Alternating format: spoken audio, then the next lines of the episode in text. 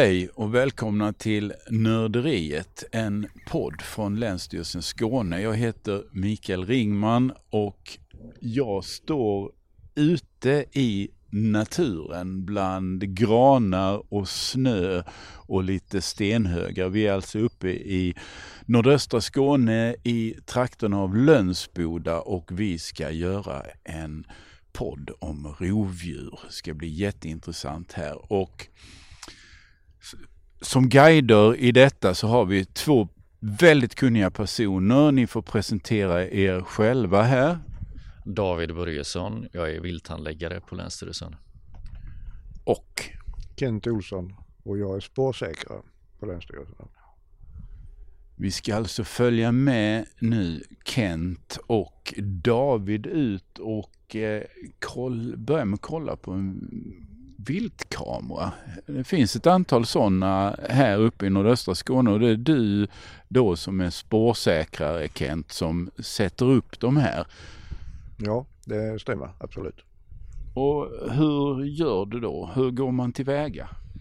Ja, man har ju, man vet ju ingenting från början utan man får ju inbilla sig och tro där katten eventuellt går eller lodjuret. Och då, ja, så får man känna sig för lite och se om man får någon bild. Eller får man flytta lite och sådär. Så bra är väl om man känner till eh, området och naturen runt omkring här. Och det är alltså troligast att man kan få lodjur på bild här uppe kring nu David. Ja, det är det. Här har ju varit lo i flera år. Eh, och det är ju tack vare viltkamerorna som vi har kunnat dokumentera det. Nu har vi snö, men det är en eh, det är ganska sällsynt i Skåne eh, under vintrarna med bra spårförhållanden. Så att i år kan vi spåra både traditionellt genom spår. Eh, men annars så är det viltkameror vi måste förlita oss på. Och varg finns det inte i det här området just nu eller?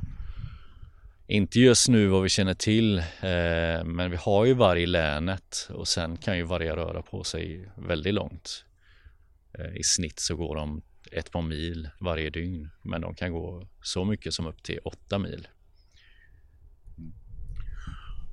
Okej, och hur ser det ut nu med lodjursbeståndet här? Finns det, kan du garantera lodjur idag? Nej, det kan man ju aldrig göra naturligtvis. Men eh, det är som, eh, ja, de kommer ju och går och det kan dröja en månad emellan varje gång. Så att, eh, man vet aldrig när katten kommer så att säga. Ska vi knata iväg och se vad vi hittar?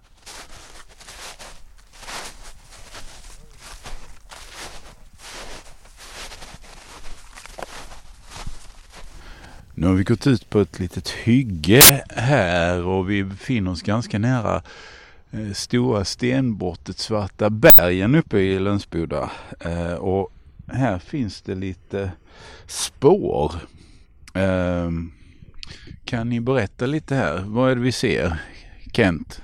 Ja, det är ju, det är ju både räv och eh, rådjur som har gått här då. Fast de är ju inte färska nu precis, men så är det. Och ehm, David, eh, lotsa mig rätt här. För mig ser det ju mest ut som ehm, ja, hål i snön. Och det är vad det är också.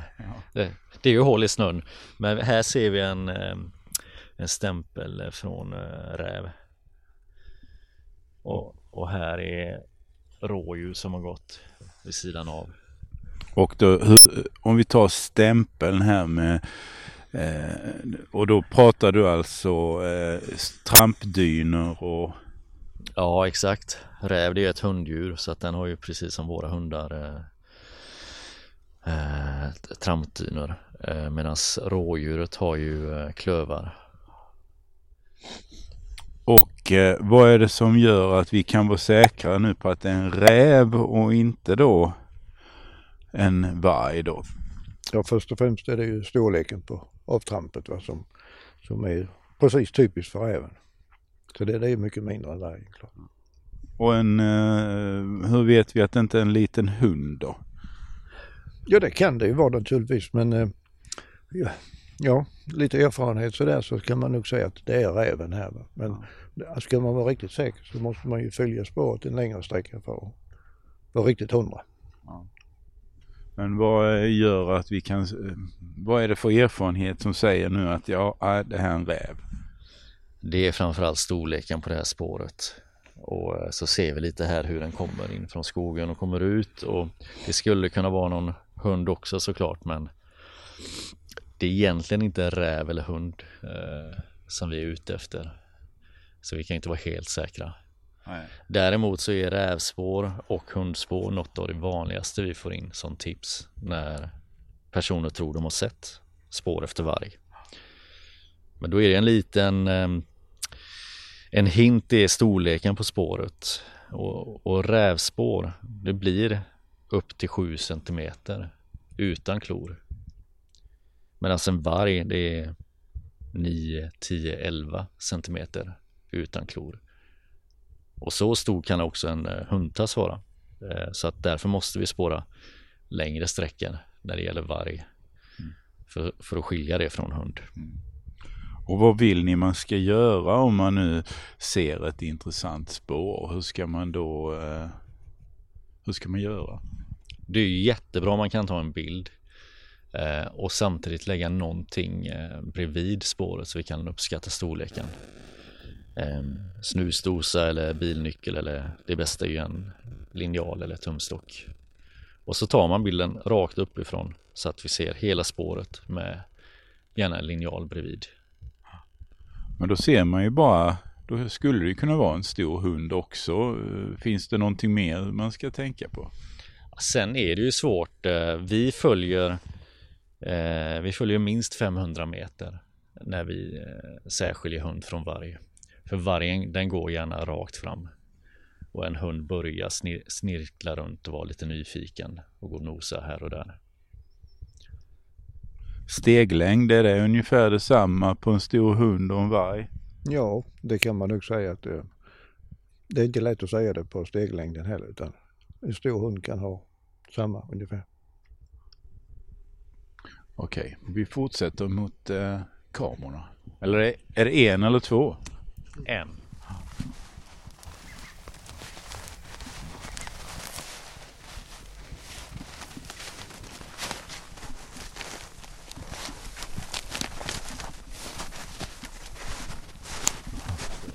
Okej, nu har vi närmat oss kameran och här har vi också fler spår. Vad är det vi ser? Det här kan vara eh, lodjursspår som är översnöade nu. Men de är ju misstänkt likt lodjur med tanke på att de är så runda. Eh, och hyfsat stora. Och jag lägger ner min snusdosa här. Den är 7 cm eh, i diameter. och 7 cm och 8. Kanske något större. Där har du tassavtryck från lodjur. Okej, den, den ser ut att ha, vad ska man säga, två delar. Dels har vi då eh, någonting här cirkulärt och sen så någonting som är lite större längre fram. Vad är det då? Så den delen här.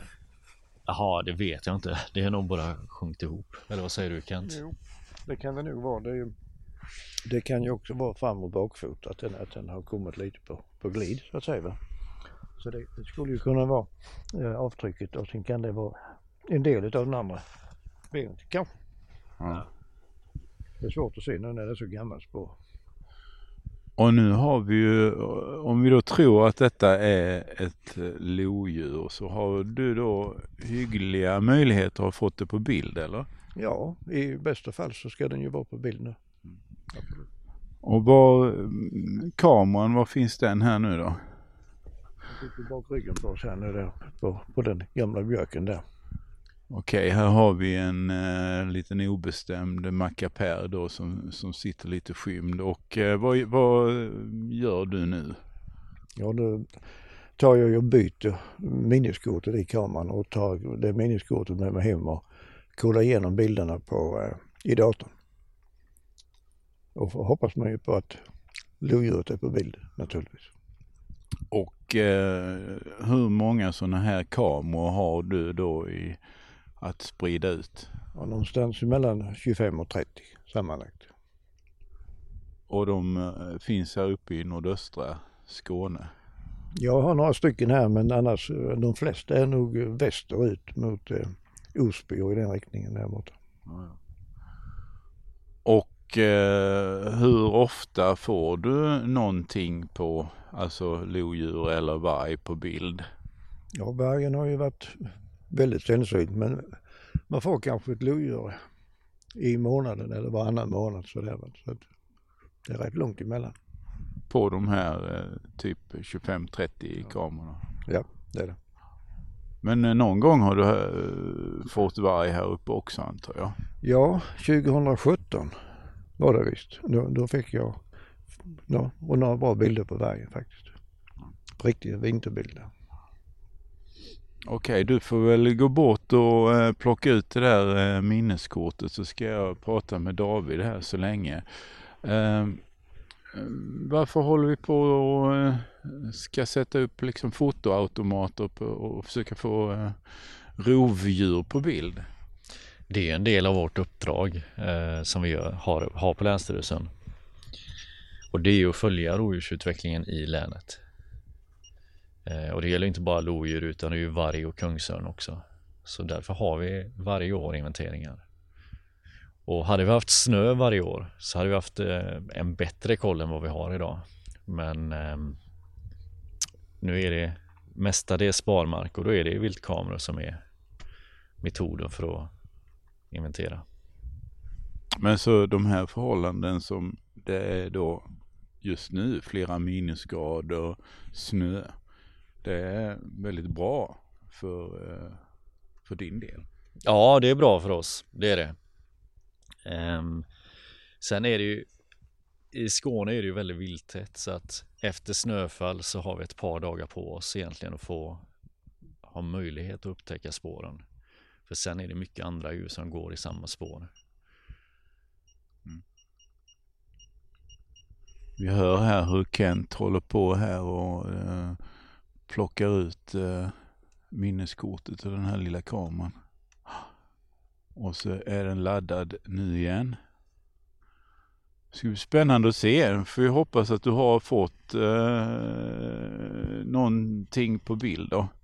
Ja, jag kollade nu och det har tagit tio bilder sedan jag var här sist. Så att, eh, och det är säkerligen räv också men jag tror nästan katten har varit här med.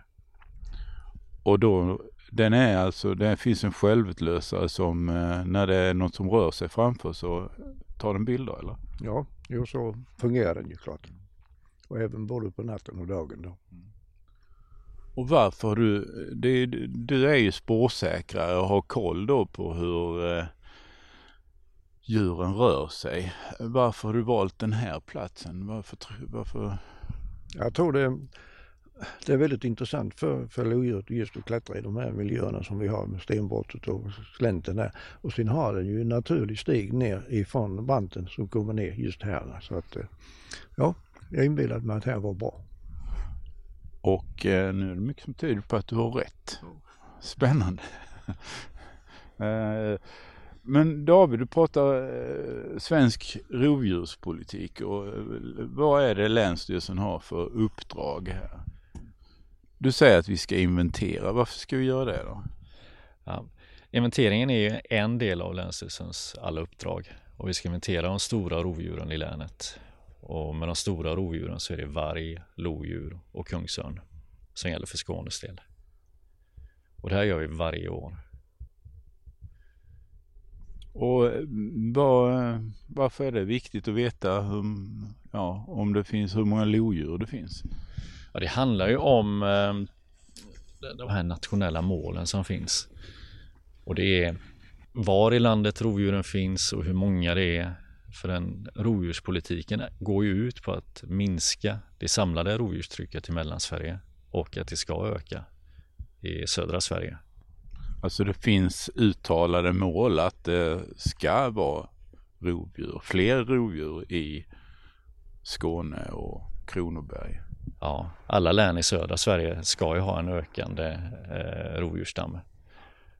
Och vi har ju sett det nu de sista åren så har det ju ökat eh, både lodjur och också varg. Mm. Kent, hur många lodjur har vi här nere just nu skulle du tro? Nej, det är gissningsvis ett par stycken eller någonting sånt där skulle jag kunna tänka mig. Men det vet man inte säkert. Och har vi haft några föryngringar nu på senare år? Då? Ja, det har vi. Och vi har ju dokumenterat det i stort sett varje år också. Och i år har vi dokumenterat två stycken i Skåne. Alltså två ungar eller? Ja, två familjegrupper. Det är en lodjurshona med ungar. Och vi har sett att det är åtminstone två olika sådana grupper. Sen är de nära länsgränserna så att de här djuren rör sig över till Blekinge och upp till Kronoberg. Mm. Och det här med att det, det faktiskt har blivit ungar, är det något, eh, sker det varje år? Kan man lita på att det har blivit så stabilt?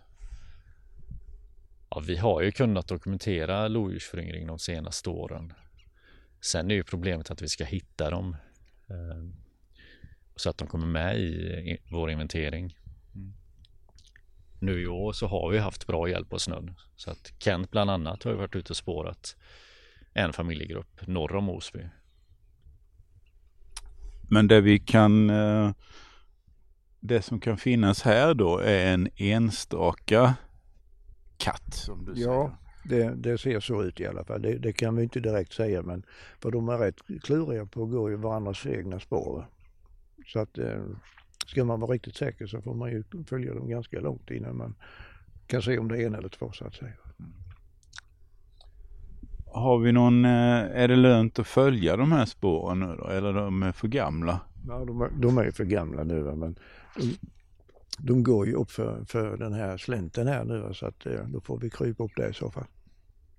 Är det sånt som man gör som spårsäkrare? Får man liksom vara beredd att gå över stock och sten eller? Ja, verkligen. Så är det ju så. Va? Så att eh, det är ju inga, inga undantag utan börjar man på så får man ju fortsätta sen. Men det här med svensk rovdjurspolitik då, som, eh, finns det ett uttalat mål? Eh, finns det ett antal som säger hur, eh, hur det ska se ut med varg och lodjur i eh, Skåne? Ja, dels så finns det en regional förvaltningsplan som säger hur många lodjur det minst ska finnas. Och det målet är tre familjegrupper. Så på sikt så är målet minst tre familjegrupper. För varg finns det inget sådant mål som är bestämt. Um, och sen, sen är det ju svårt att sätta allt för långsiktiga mål för det här är ju djur som rör sig över väldigt stora ytor. Så för ett halvår sedan så, så visste vi inte om det skulle, eller att det skulle bli eh, två vargar som går tillsammans i, i Skåne. Vilket kan innebära att det blir en vargetablering. Det vet vi inte än. Ehm, men sen, sen är det ju också en en osäkerhet vad som händer med de här djuren i olika delar av eh, landet. Så att de här målen de är ganska övergripande och det, det man pratar om är miniminivåer. Och det är en lägsta nivå som ska finnas nationellt i Sverige. Så eh, när det gäller lodjur så eh, ligger vi ganska nära målet då? Ja, det gör vi. Det som, och det är Naturvårdsverket som har beslutat om det. Att Skåne ska ha minst tre lodjursföryngringar. Och det är möjligt att vi, vi kanske redan har det i år, men det, vi har inte upptäckt det än i alla fall. Om vi tar lodjur, hur, eh, Kent, hur, under, hur långt rör de sig ungefär? Ja, jag skulle ju, jag tror att, jag är ganska säker på att ett hona har väl ungefär en 22 kilometer i en radie som de rör sig på sitt hemområde. Och det kan ju klart variera lite hit och dit men ungefär någonting sånt där. Så det är ju ändå relativt stationärt ändå. Eh, har de då en boplats eller har de flera? Var, alltså hittar man någon, eh, finns det något hem? Nej, utan eh, där den är när det är morgon, där stannar den till kvällen naturligtvis. Så att det, de har inga speciella lya eller någonting sånt där. Naturligtvis när de, när de föder sina unga så kan man ju tänka sig att man har en boplats. Va? Men det är nog ingen längre stund utan lite var som helst. Så själva lyan kan finnas i någon månad eller några veckor bara? Eller? Ja, så är det säkert. Är det likadant med vargen? Är, är det också en sån här som där den somnar, där bor den? Ja, i stort sett. Sen har vargen eh, större hemområde eller revir generellt än vad lodjur har. Um, och sen så vari varierar det väldigt mycket också men jag tror att ett genomsnittligt vargrevir är ju närmare 100 000 hektar. Det är in... Hur mycket är det då? Det är mycket. Ja, men alltså hur, över hur stor yta rör den sig eller alltså i kilometer? Alltså hur mycket springer den? Ja, de går i snitt två mil per dag en varg. Eh, och sen kan de gå kortare eller lite längre beroende på, på tillfälligheter. Men det är väldigt rörliga djur. Det är det. Bra, ska vi ta och kolla lite mer på, det finns fler kameror. Vi ska, vi ska åka vidare antar jag. Ja, det gör vi. Vi kör till och kollar en till. Ja. Okej, vi följer dig helt enkelt. Ja.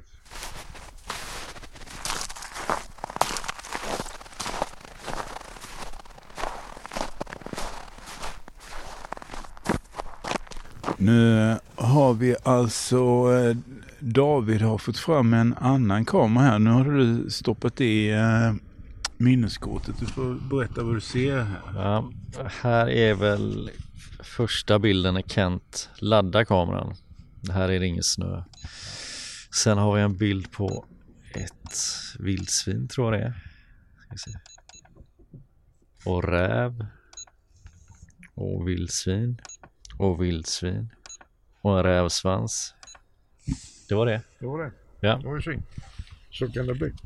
Ja, det var ju, var ju spännande i alla fall. Eh, Kent, du som är ute och spårar mycket här. Eh, får du syn på de här djuren någonting? Nej, det får man faktiskt inte. Utan ser man dem någon gång så är det när man ifrån bilen en kväll på skogsvägen eller något ja. sånt där. Så att, nej. Du har sett lodjuren här? Ja, det har jag. Det har jag gjort.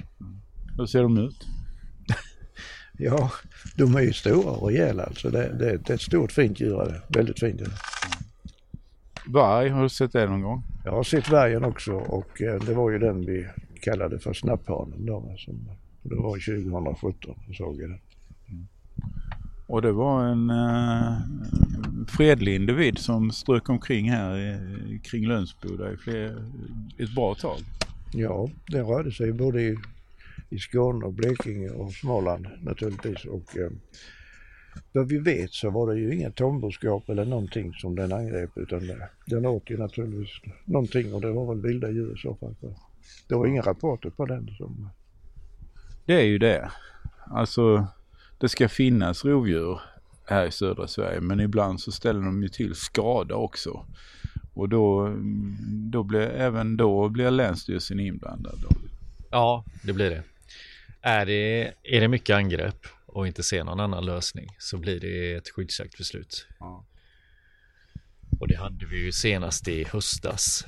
Då hade vi en individ som totalt gjorde fem angrepp.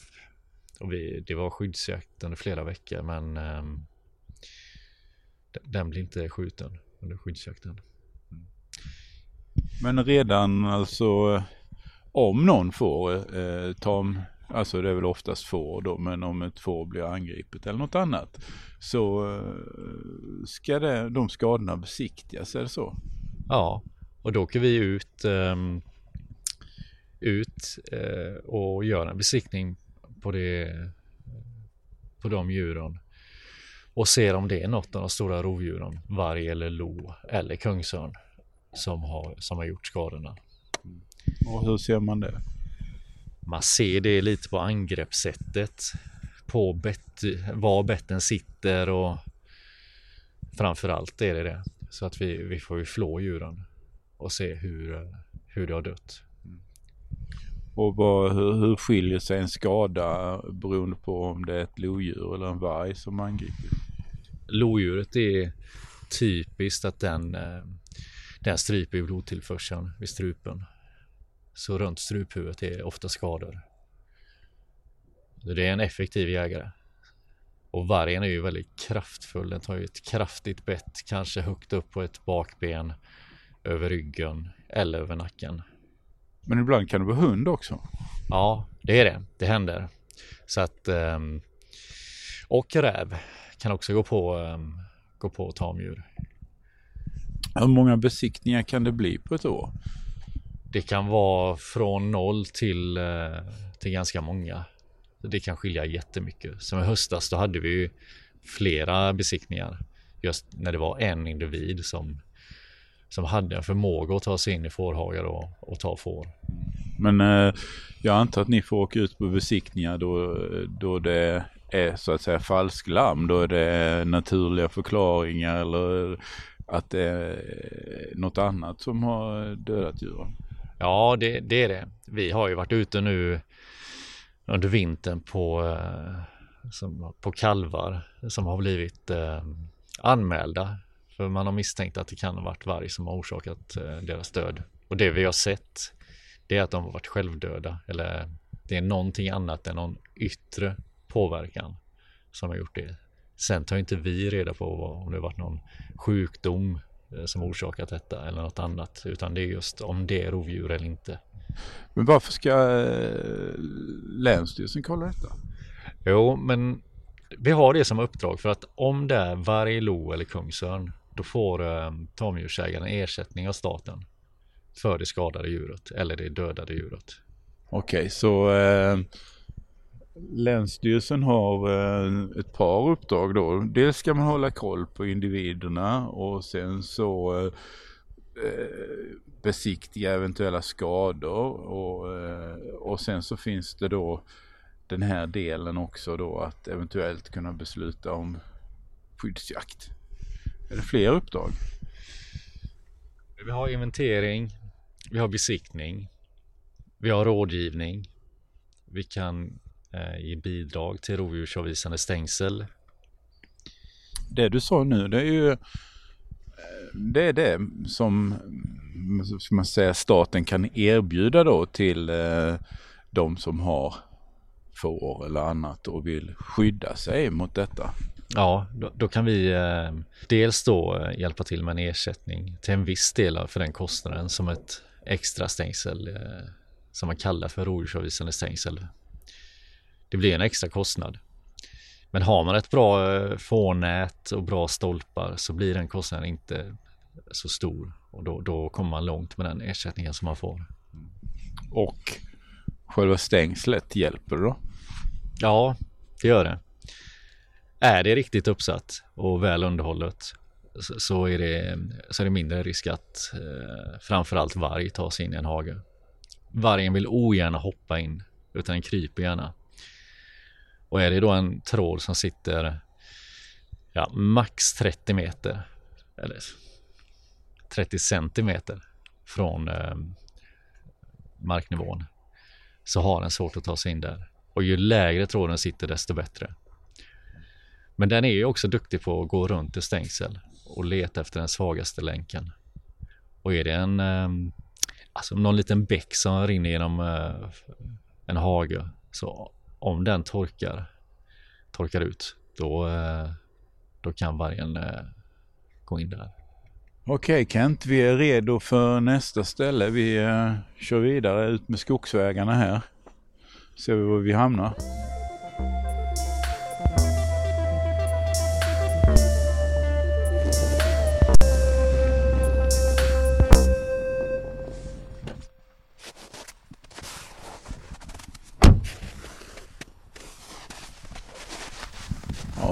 Vi kommit in här på en uh, ny plats där uh, Kent ska ta och uh, plocka ut minneskortet och kameran. Och som jag förstår det Kent så är detta en historisk rovdjursplats. Ja, det kan man nog säga för att 1860 har jag för mig, det var jag har läst, att då sköts den sista vargen här i Örkened. och det är ungefär 400-500 meter härifrån. Det finns en sten som är numera utmärkt som vargstenen. Och eh, man fick ju besked om att den här vargen rörde sig i bygden här och man samlade ihop en stor drevkedja som eh, startade nerifrån Östra Göinge, gränsen och drev upp mot, eh, mot Ökenäs då. Och eh, då kom gråben där så att man sköt den helt enkelt. Och det lär vara den sista. Ja, förutom snapphanen då. Precis ja, just det. Och då var den mer etablerad på den tiden då eller? Jag vet inte vilket men man hade ju, man hade ju sett spår efter den, den här vargen och man misstänkte att det var en varg till. Men den, den fick man aldrig koll på utan det var denna som eh, man sköt då helt enkelt. Ja, var det en annan rovdjurspolitik på den tiden David? Ja, det var det. Um, det fanns ju mycket varg för några hundra år sedan i Sverige. Det fanns ju, och det var kring 1700-talet så hade man ju bara runt om i Stockholm ett par hundra vargar. Men det var en annan tid. Och då plockade du ut det här kortet. Hade du något, har du bara några ja, bilder tagna? Jag tror det var 130 ungefär på denna. Jaha. Vad, vad säger det? Ja, det säger att det har varit mycket rörelse. Det kan ju vara eh, ja, bilar och grejer som kör på vägen här och det kan vara en räv och det kan vara en gris och kanske något lodjur också naturligtvis. Så det, det händer ju lite här på den här vägen. Hur länge, hur ofta vittjar du de här eh, kamerorna? Ungefär var fjortonde dag. David, det här med viltkameror, hur länge har ni hållit på med det? Det har varit sedan, säg 2014, 13, 14 där började det. Hur många kameror finns det nu runt om i de skånska skogarna? Då? Nu är det ungefär 80 kameror. Och det är ganska lite om man tänker på vilken stort, stor yta vi ska täcka. Jag tänkte vi ska ju, äh, det här är ju en, äh, nu är vi här, det är vinter och vi är i februari. Om jag förstår det rätt så är det äh, parningstid nu. Ja, det stämmer. Nu börjar det bli ähm, dags för lodjuren. Och det innebär också att hanarna, lodjurshanar, de rör sig över väldigt stora områden och letar just honor. Så att man har sett det på märkta djur att de går väldigt, väldigt långt så att de kan röra sig över stora delar av södra Sverige, hanar. Rör de sig på, alltså får man mer aktivitet då? Är det lättare att få bild nu i eh, Ja det är det ju faktiskt då. Även dagtid så kan man ju få en bra bildupptag på. Med all säkerhet så är det hanarna man får bild på då. Och då är det parningstid nu. När föder de unga då? Eh, de går väl två månader ungefär va? Ja, de kommer i maj. I maj, ja. I maj föds ungarna. Och det är parningstid även för vargar eller? Ja, det stämmer.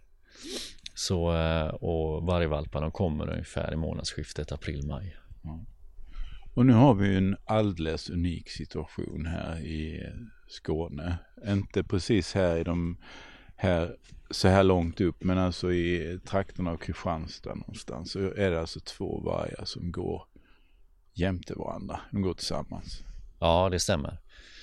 Det är ju runt om på Lindrödsåsen vi har kunnat spåra dem. Eh, och vi har kunnat spåra dem sedan i början av januari när snön kom. Och vi har varit ute väldigt mycket för att just få samla in spillning efter dem för att se vilka individer och vilket kön är det som de har. Mm. Varför är detta intressant? Är det en tik och en hane och också lite på, på beteendet om de börjar revirmarkera tätt, riktigt tätt, då, eh, då kan vi nog förvänta oss en vargetablering här. Mm. Du säger börja revirmarkera, vad betyder det? Ja, det är att båda två går och markerar precis som hundar, alltså lyfter på benet och, och kissar. Och eh, vad har du sett nu när du varit ute då? Ja, men vi har sett ett par sådana eh, platser där, som vi tolkar är det två vargar som har gått och revirmarkerat. Sen är vårt problem det att det är så mycket hundar och rävar som går och markerar på samma platser. Så att vi kan inte vara helt säkra förrän vi har DNA-svaren på, på de här spillningarna. Du har hittat spillning då? Ja, och det är framförallt urin som är i snön som vi har tagit prov på. Så det har vi skickat upp till Grimsö viltskadecenter för de gör DNA-analyser för varg. Mm. Och vad betyder det då om det skulle visa sig? Det är väl inte helt osannolikt att det faktiskt är en hane och en hona. Vad, vad betyder det om det blir en etablering här? Ja, det har inte hänt i Skåne på ja, det måste vara 150 år skulle jag gissa på. Men vi har ju sett det i andra län som Sörmland har haft, eh, har väl ett par eh, vargrevir nu. Östergötland har och, ehm, och nu i år för någon vecka sedan så har man konstaterat i Jönköping och Västra Götalands län. Så vargen har ju ökat i södra Sverige. Mm. Vad beror det på då? Det beror på att eh, säkert mycket slump också, men eh, vargstammen i Mellansverige har ju ökat de senare åren. Och då blir det en spridning. Mm. Eh, blir det naturligt att, att liksom man kan inte klampa in på någon annans revir så då får man söka sig söderut eller vad det nu blir? Ja, de, de går ju åt något håll och så går de tills de hittar någon partner eller något lämpligt område och så inväntar de i sådana fall en partner i det lämpliga området. Um, och det har ju varit glest med vargar i södra Sverige så att de vargarna som har gått, vandrat ut från Mellansverige och gått söderut de har ju fått vända upp norrut igen när de kommit ner till Skåne. Kommer de ner till sydkusten och så vänder de så går de norrut igen. Mm. Men nu har det ju varit mer rörelse, kanske sista året på vargar. Så att det har varit flera ensamma individer som har vandrat runt. Det finns ju väldigt mycket oro kring varg. Eh, och, och, vad betyder det då att det kommer en etablering? Vad, vad, vad kan man se framför sig? Det är svårt för oss att veta eh, på förhand vad som kommer ske. Eh, och vi har ju sett från Mellansverige att i vissa revir där, eh, där har vargarna ett eh, ganska skyggt beteende. De, eh, de angriper inte hundar och de angriper inte tamdjur. Eh, Medan i andra revir eh, så är det andra, ett annat beteende. Och sen hur de här vargarna i sådana fall, om de blir här nere, vad de kommer göra, det är, det är helt omöjligt att säga på förhand. För det är ju väldigt eh, varierande hur vargar beter sig. Vi har haft varg här i väldigt många år. Och eh, en del sköter sig om man säger och andra sköter sig sämre. Ja, en del vargar har ju ett beteende som fungerar bättre med människor än eh, andra vargar. Um, och vad som gör det, det är omöjligt att säga. Om det är slump eller om det, är, om det helt enkelt är individuella beteenden. Vi har ju, vi har ju konstaterat varg i Skåne de tio senaste åren. Uh, och några av de vargarna har gjort angrepp och ibland stora angrepp. Så att vi, efter ett tag så har vi beslutat om skyddsjakt. Det har ju hänt vid ett par tillfällen. Vad ska man tänka på då? Alltså, ska man ha, ska man göra på något särskilt sätt om man är ute och jagar på Lindrödsåsen just nu? De rapporter som jag har fått så har de haft vargar i området där de har jagat och då har de sett att hundarna har jagat efter vargarna och då har vargarna stuckit. Och det är svårt att säga i förväg vad som kommer hända. Men det finns en ökad risk för, eh, alltså om vi säger att det blir ett revir, då föder de ungar, då skulle de kunna komma i eh, maj säger du. Eh, vad händer sen då? Ja, och sen efter det att ungarna har växt upp, så kanske ett eller två senare, så kommer ju de röra sig ut från den eh, för den flocken för de vill ju hitta något eget. Och då kommer de ju röra sig troligen norrut. Det är ju så långt söderut vi kan komma i stort sett. Vad händer då om det blir fler angrepp? Om det visar sig att det, det kanske räcker med att det är någon individ i det nya reviret som är mer aggressiv än de andra? Så kan det vara. Vi, eh, vi försöker ju topsa för DNA vid besiktning för att kunna se vilken individ, om vi bedömer att det är varg som har gjort angreppet. Um, och ser man att det är en och samma individ, då kan det bli skyddsjakt på den. Om det, om det här händer flera gånger. Och skyddsjakt, det betyder vad då? Då försöker man skjuta bort den individen som har gjort skadorna.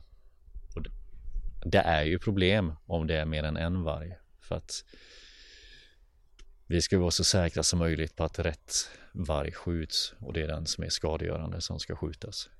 Om vi nu tänker oss att eh, vi får ett besked inom kort om att det nu finns en vargetablering. Kommer ni göra särskilda insatser då kring Linderödsåsen för att få fler eh, rovdjursavvisande stängsel? Så? Ja, de som är intresserade och, och, har frågor kring stängsling och hur man kan göra för att minska risken för angrepp. Eh, då kan vi ju komma ut eh, med rådgivning och vi kan också ge bidrag till en viss del eh, av stängselkostnaden. Eh, och är det så att det blir väldigt stort intresse så är det ju framförallt i reviret som eh, vi kommer prioritera de åtgärderna. Och reviret, vet vi hur stort det är? Nej, det vet inte vi utan första prio för oss det är ju att ta reda på eller bekräfta vilken status de här två individerna har. Är det revirmarkerande par eller är det inte det? Ehm, och när vi väl har gjort det så kommer vi också titta på vad hittar vi spår efter dem? Vad har vi kunnat spåra dem? Och vad har vi kunnat säkra ehm, att det är just de vargarna som har gått där genom DNA-analyser. Så vi kommer ju spåra så länge vi har möjlighet till spårsnö. Sen kommer vi också fortsätta med kameror i det här området för att följa utvecklingen och se. Det är inte säkert att om det nu skulle vara ett par som blir kvar i området, det är inte varje år de får ungar. Men det är ju såklart väldigt intressant att veta det.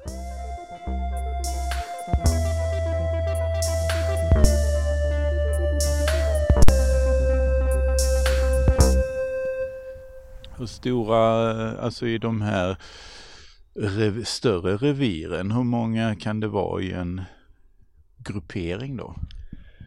Från Mellansverige så är det störst, den största flocken som jag har hört talas om, det var 16 individer.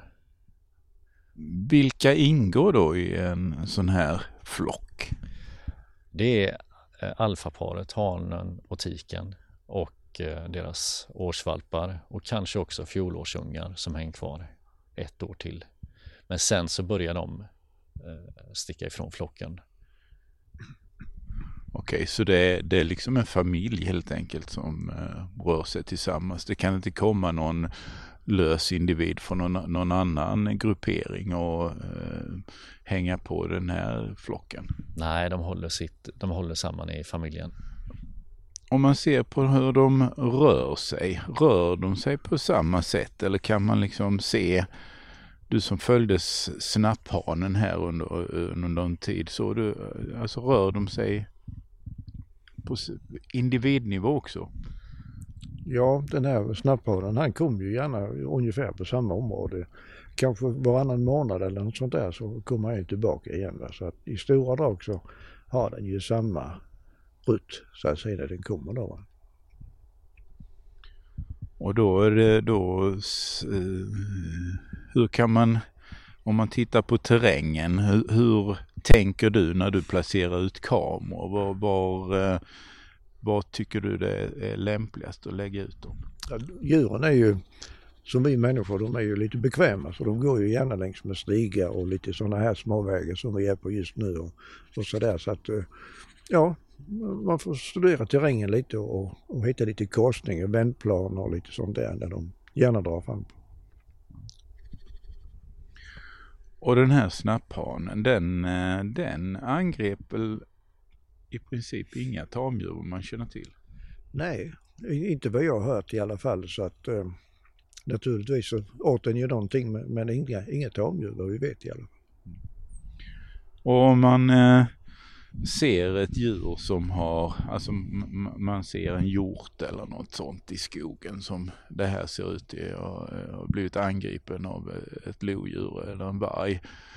Eh, bryr Länsstyrelsen sig om det eller?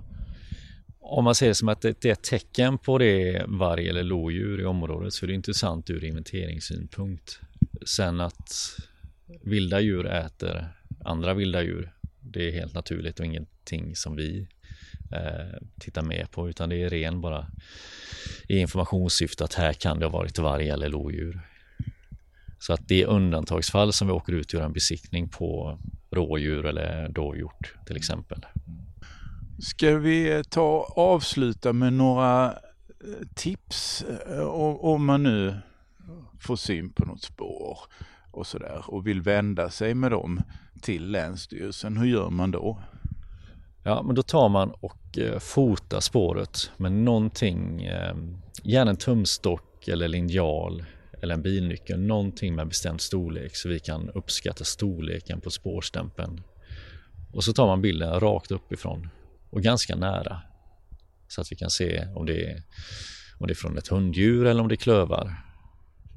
Och de här bilderna, vi lägger ut adressen så ni eh, vet vart man ska mejla dem. Behöver du något, vill du bli uppringd av eh, om man ser saker? Nej, alltså det, det räcker gott med ett mejl om man har ett spår. Um, det gör det. Och sen ska man ju givetvis kontakta oss om det är ett angrepp. För då har vi beredskap alla dagar i veckan, även helgen. Då kontaktar man oss så kommer vi ut så snart som vi har möjlighet. Det är väl ganska mycket observationer kring varg nu? Ja, periodvis är det det. Ofta så brukar det vara om vi har en varg som rör sig tillfälligt i länet, alltså så kallad vandringsvarg. Och det har, vi, det har vi haft varje år i stort sett de senaste tio åren. Det är en varg som under några veckors tid just är på, eh, på väg någonstans. Antingen en partner eller ett område och, och slå sig ner vid. Eh, och de rör sig gärna längs med vägar och då är de ju väldigt publika. Och det kan också vara individuell skillnad. En del går mycket även dagtid och en del går mer i, under kvälls, kvällstid eller nattetid. Det har varit jätteintressant att vara här ute i de här vackra skogarna tillsammans med er, David och Kent. Eh, hoppas att ni som lyssnar också tycker det och att eh, ni vi ska försöka lägga ut lite bilder från den här turen och kanske också lite tips om spår. Eh, så vi, vi, vi försöker göra en spårskola eh, här framöver. Tack David, tack Kent, tack till er som har lyssnat och eh, Nörderiet återkommer när ni minst anar det med något nytt.